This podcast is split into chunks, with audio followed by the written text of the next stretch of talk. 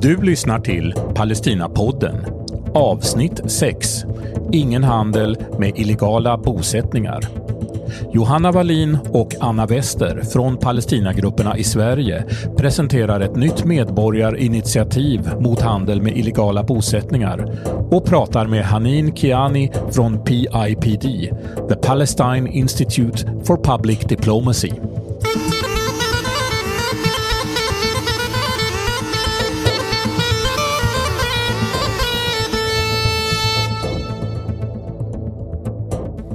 Idag spelar vi in från Palestinagruppernas kontor i Stockholm.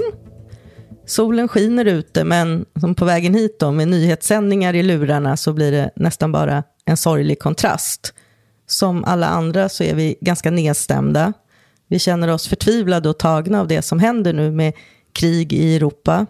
Och i Palestina har inte heller året börjat bra. Det är en mörk tid på många sätt. Ja, det är ju det. Och det är fortfarande svårt att ta in, tycker jag, de scener som utspelas nu. Människor som flyr, familjer som splittras och att vi plötsligt pratar om ett krig i Europa. Som har varit nästan en omöjlig tanke så länge. Ja, och tyvärr har vi ju sett det här många gånger i Palestina. Ja, och där fortsätter ockupationen på samma brutala sätt som vanligt. Mm. Och jag började med att säga att året i Palestina inte har börjat bra, men 2021 var ju också ett mörkt år ja. för palestinierna på många sätt. var coronapandemin, attackerna mot Gaza i maj, husrivningar, bosättarvåld och det avtog ju inte under pandemin. Och sen då fortsätter det ju eh, fortfarande. Ja, det gör ju det. Mm. Och igår så läste jag en rapport från Defense for Children i Defense for Children Palestine, mm. att förra året så dödades 86 palestinska barn på Västbanken, Gaza och östra Jerusalem. Och det är den högsta siffran sedan 2014. Ja, det är förfärligt verkligen.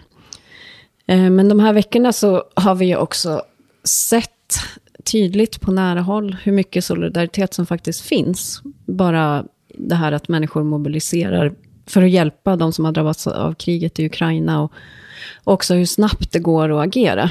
Ja.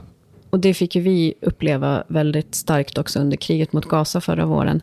När vi till exempel startade en akutinsamling som mobiliserade otroligt många mm. människor på kort tid. Eh, som bidrog med pengar som direkt kunde hjälpa drabbade familjer, framförallt barn. Verkligen. Eh, ljuset i mörkret skulle man kunna säga. Och jättebra att faktiskt lyfta det också, viljan som finns mm. att hjälpa. Och när, när du nämnde akutinsamlingen så var det, det var ungefär samtidigt som palestinska familjer i östra Jerusalem bad omvärlden om solidaritet. Mm. Och då startade vi en namninsamling eh, som fick in 24 000 namn på kort tid. Mm. Till utrikesministern som också svarade eh, på den. Eh, det har ju införts kraftfulla sanktioner mot Ryssland nu, eh, både från länder och institutioner som EU och FN. Och som sagt, det gick väldigt snabbt. Eh, också bojkotter i form av att Ryssland har uteslutit från sport och kulturevenemang och flera företag har stängt ner sin verksamhet i Ryssland. Ja, och det visar ju, som du sa, eh, att folk vill agera, men också mm. att det visar att omvärlden kan sätta press för att försvara folkrätten. Ja. Och det är ju någonting som vi tror på när det gäller att ställa Israel till svars för folkrättsbrott. Någonting som vi har arbetat länge för och som vi kommer fortsätta med.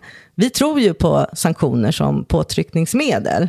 Det är en fredlig metod och det finns ju också flera exempel i historien när det har fungerat. Precis. Eh, Sydafrika under apartheid inte minst, som ju också är ett högaktuellt exempel i och med att Amnesty nu också har gjort jämförelsen mellan Israel idag och Sydafrika då. Ja, och många menar ju att till exempel idrottsbojkotten spelade en stor roll för att apartheidregimen föll. Och nu hoppas vi att sanktionerna har effekt när det gäller att få, få ett slut på Rysslands eh, krig och invasion av Ukraina. Mm. Ja, vi skulle kunna prata länge om det här med sanktioner och det kommer vi också att göra längre fram.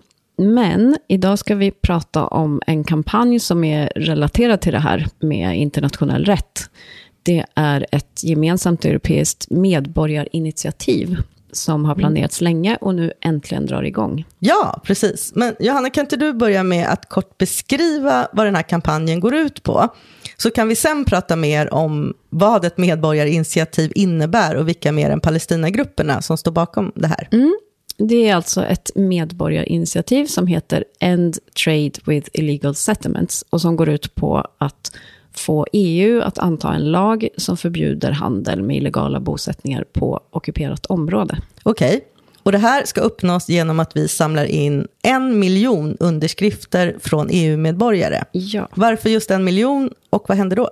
Jo, men ett medborgarinitiativ som eh, heter European Citizens Initiative på engelska, eller ECI i förkortning, är en mekanism inom EU som gör att vi medborgare kan påverka EUs politik genom att formulera ett förslag och sen visa att tillräckligt många stödjer det förslaget. Mm. Och lyckas man samla ihop en miljon underskrifter så måste Europakommissionen granska det lagförslag man lägger fram.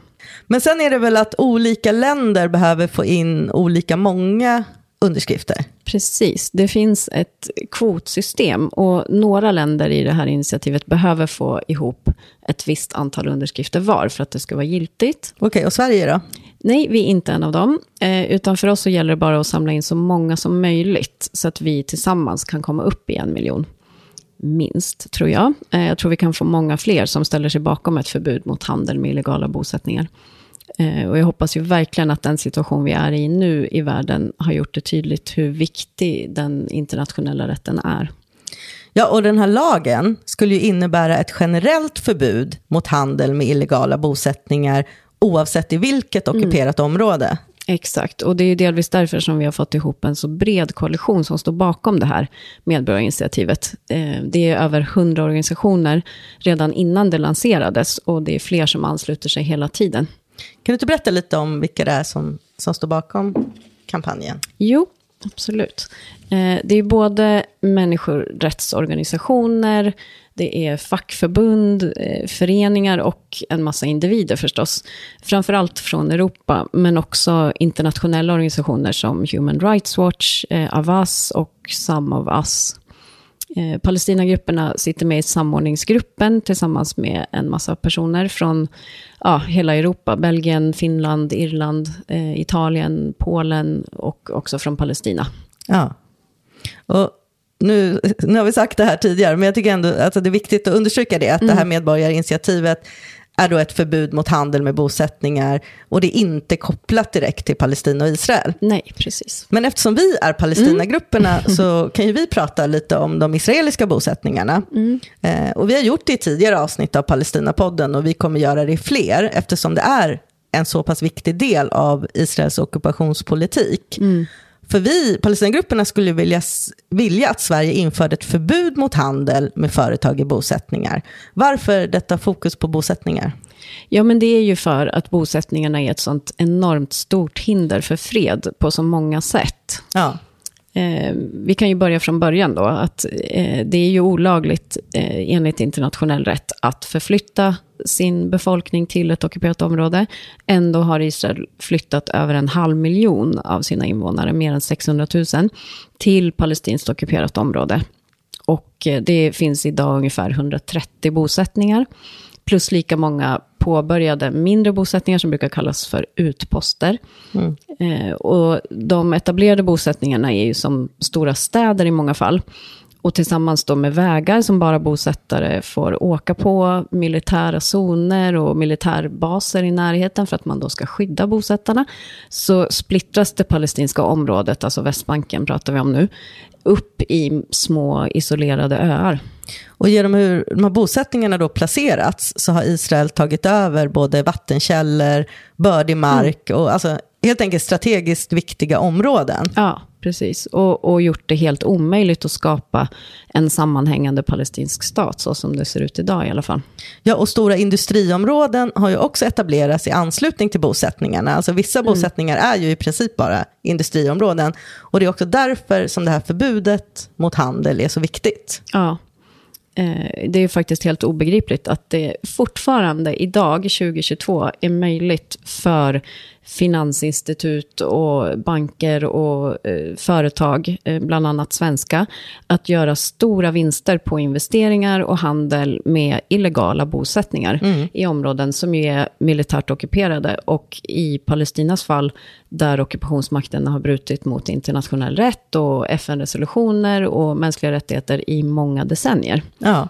Och det är också faktiskt lika obegripligt att det är vi, civilsamhället, enskilda människor, som måste lägga ner vår tid och energi på något som borde vara så självklart.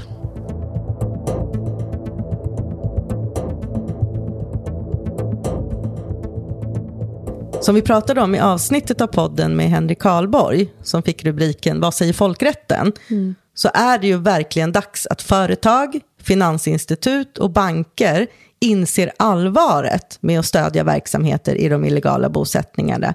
Att det till och med kan innebära medhjälp till krigsbrott. Och vi har ju sett också att flera företag under de senaste åren har flyttat sin verksamhet från ockuperad mark just på grund av det. Och ett exempel är ju Ben Jerrys. Ja, precis. Eh, men det stora ansvaret ligger ju hos de som fattar beslut, att de ska respektera internationell rätt. I rapporten Don't Buy Into Occupation avslöjas att drygt 600 europeiska företag och finansinstitut har ekonomiska relationer med företag som är aktivt involverade i israeliska bosättningar. Investeringarna uppgår till mångmiljardbelopp. Flera svenska aktörer finns med på listan över de pensionsfonder, banker, försäkringsbolag och kapitalförvaltare som investerat allra mest i företag som är aktiva i israeliska bosättningar.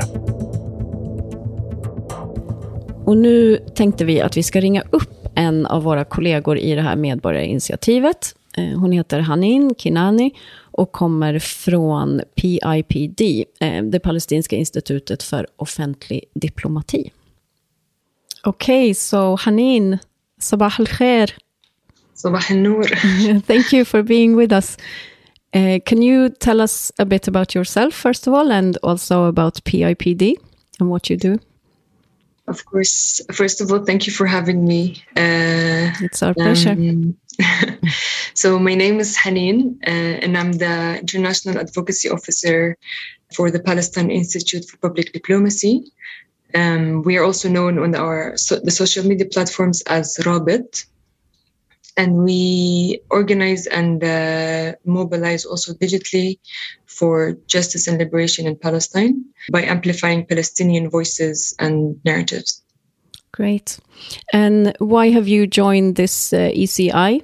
And why do you think, from a Palestinian perspective, that it's important that uh, the EU bans settlement trade?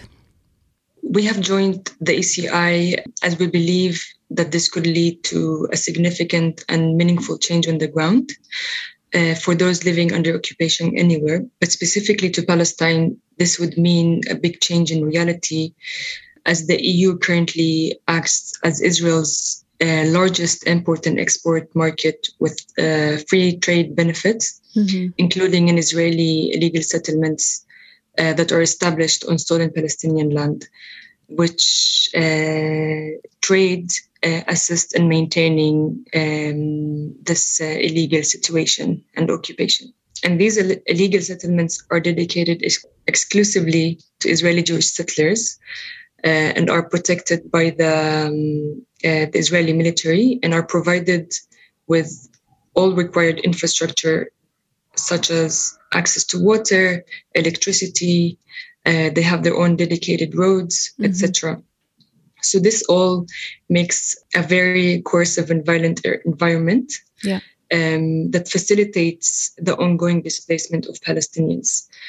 And just their existence, it's important to understand that these illegal settlements and their expansion, in essence, means continued ethnic cleansing of Palestinians um, on the ground. Yeah they're under international law they constitute as a war crime and crimes against humanity so under international humanitarian law an occupying power is prohibited from transferring uh, popula- uh, from the forcible removal of population and uh, of land theft to build settlements illegally. Yeah. What difference do you think it would make if we managed to reach a million signatures and we can present this to the European Commission? I think um, the ECI is a historic opportunity for change uh, on the ground, mm-hmm. and its calls to end EU complicity uh, in, in, these violations, right? And not just in Palestine, but other occupations worldwide, that yeah. this should not be tolerated. And specific to Palestine, this has been well documented, um, and we have uh, Palestinians have been working on this for many years, trying to portray the reality on the ground and the call for um, ending Israel's impunity and calling out EU's complicity. Yeah, there are many international organizations, such as latest one, Amnesty, who joined in uh, the call and claiming that yes, indeed, Israel is an apartheid state. Mm. Uh, Human Rights Watch, UNESCO. So the ECI is is an opportunity because uh, at this stage the violations are on full display, and it's yes. very difficult to unsee this. Mm. And as EU citizens, I think they have an obligation from their end to mobilize their governments uh, and um, their officials to, to, end their participation in these violations. Yeah, so I think the this ECI is an, an important opportunity, uh, and if you think about it, one million signatures from EU citizens shouldn't be a lot no. to to um, to start somewhere and ending EU's complicity. Yes, exactly. Thank you so much, Hanin. Shukran iktir. Thank you.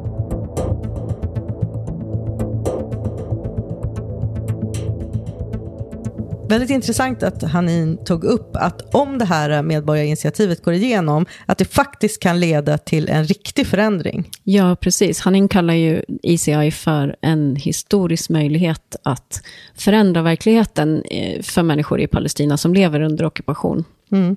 Och sen tog hon ju upp det här att företag tjänar på att investera i bosättningarna. Precis, att det faktiskt är lönsamt att bidra till folkrättsbrott. Och vi konsumenter i förlängningen blir ju också medskyldiga då till mm. de här brotten utan att vi vill det. Och som du sa, företag tjänar mycket pengar på det här. Johanna, hur skriver man då under det här medborgarinitiativet? För det vill ju alla göra nu, efter ja, att ha lyssnat på det här. Självklart vill man det. Eh, och det kan man göra på hemsidan stoptradewithsettlements.org. Eh, eller så kan man gå till Palestinagruppernas hemsida. Och då är det palestinagrupperna.se medborgarinitiativ. Väldigt svårt att stava det ordet. Men... Ja, men man behöver väl också identifiera sig på något sätt för att intyga att man är EU-medborgare. Jag tänker det är en miljon underskrifter. Mm. Precis, och det är ju lite knepigt det här att man måste fylla i hela sitt personnummer, alltså även de fyra sista siffrorna. Men det är tyvärr nödvändigt för att underskriften ska godkännas. Men självklart så gäller ju GDPR, alltså skydd av personuppgifter, även för den här kampanjen. Hur lång tid har vi på oss att få ihop den här miljonen då? Kampanjen pågår i ett år. Ja, men då så. Men det är ju inget att vänta på. Vi, vi kör på. Det är bara att signera. Ja, Precis. Och vill man lära sig mer om bosättningar och internationell rätt så kan man ju beställa våra skrifter till exempel, eller så kan man ju lyssna på podden. Eh, vi har ju en skrift som heter Vad säger folkrätten, som är alldeles ny. Och sen har vi två andra väldigt nya skrifter som heter Palestina ockupation och Palestina motstånd. Och om man vill beställa dem så mejla till skrifter palestinagrupperna.se och de är gratis, men man får betala för portot. Ja, precis. Och så kan man ju lyssna också på första avsnittet av den här podden som heter Ockupationens ABC. Där får man också lära sig mycket om internationell rätt och bosättningar till exempel. Just det. Tack så mycket för att ni har lyssnat. Tack. Du har lyssnat till Palestinapodden med Johanna Wallin, Anna Wester och Hanin Kiani. Palestinapodden produceras av Palestinagrupperna i Sverige. För tekniken svarade Per Skytt. Musik Akram Abdel Fattah och Per Skytt. På återhörande.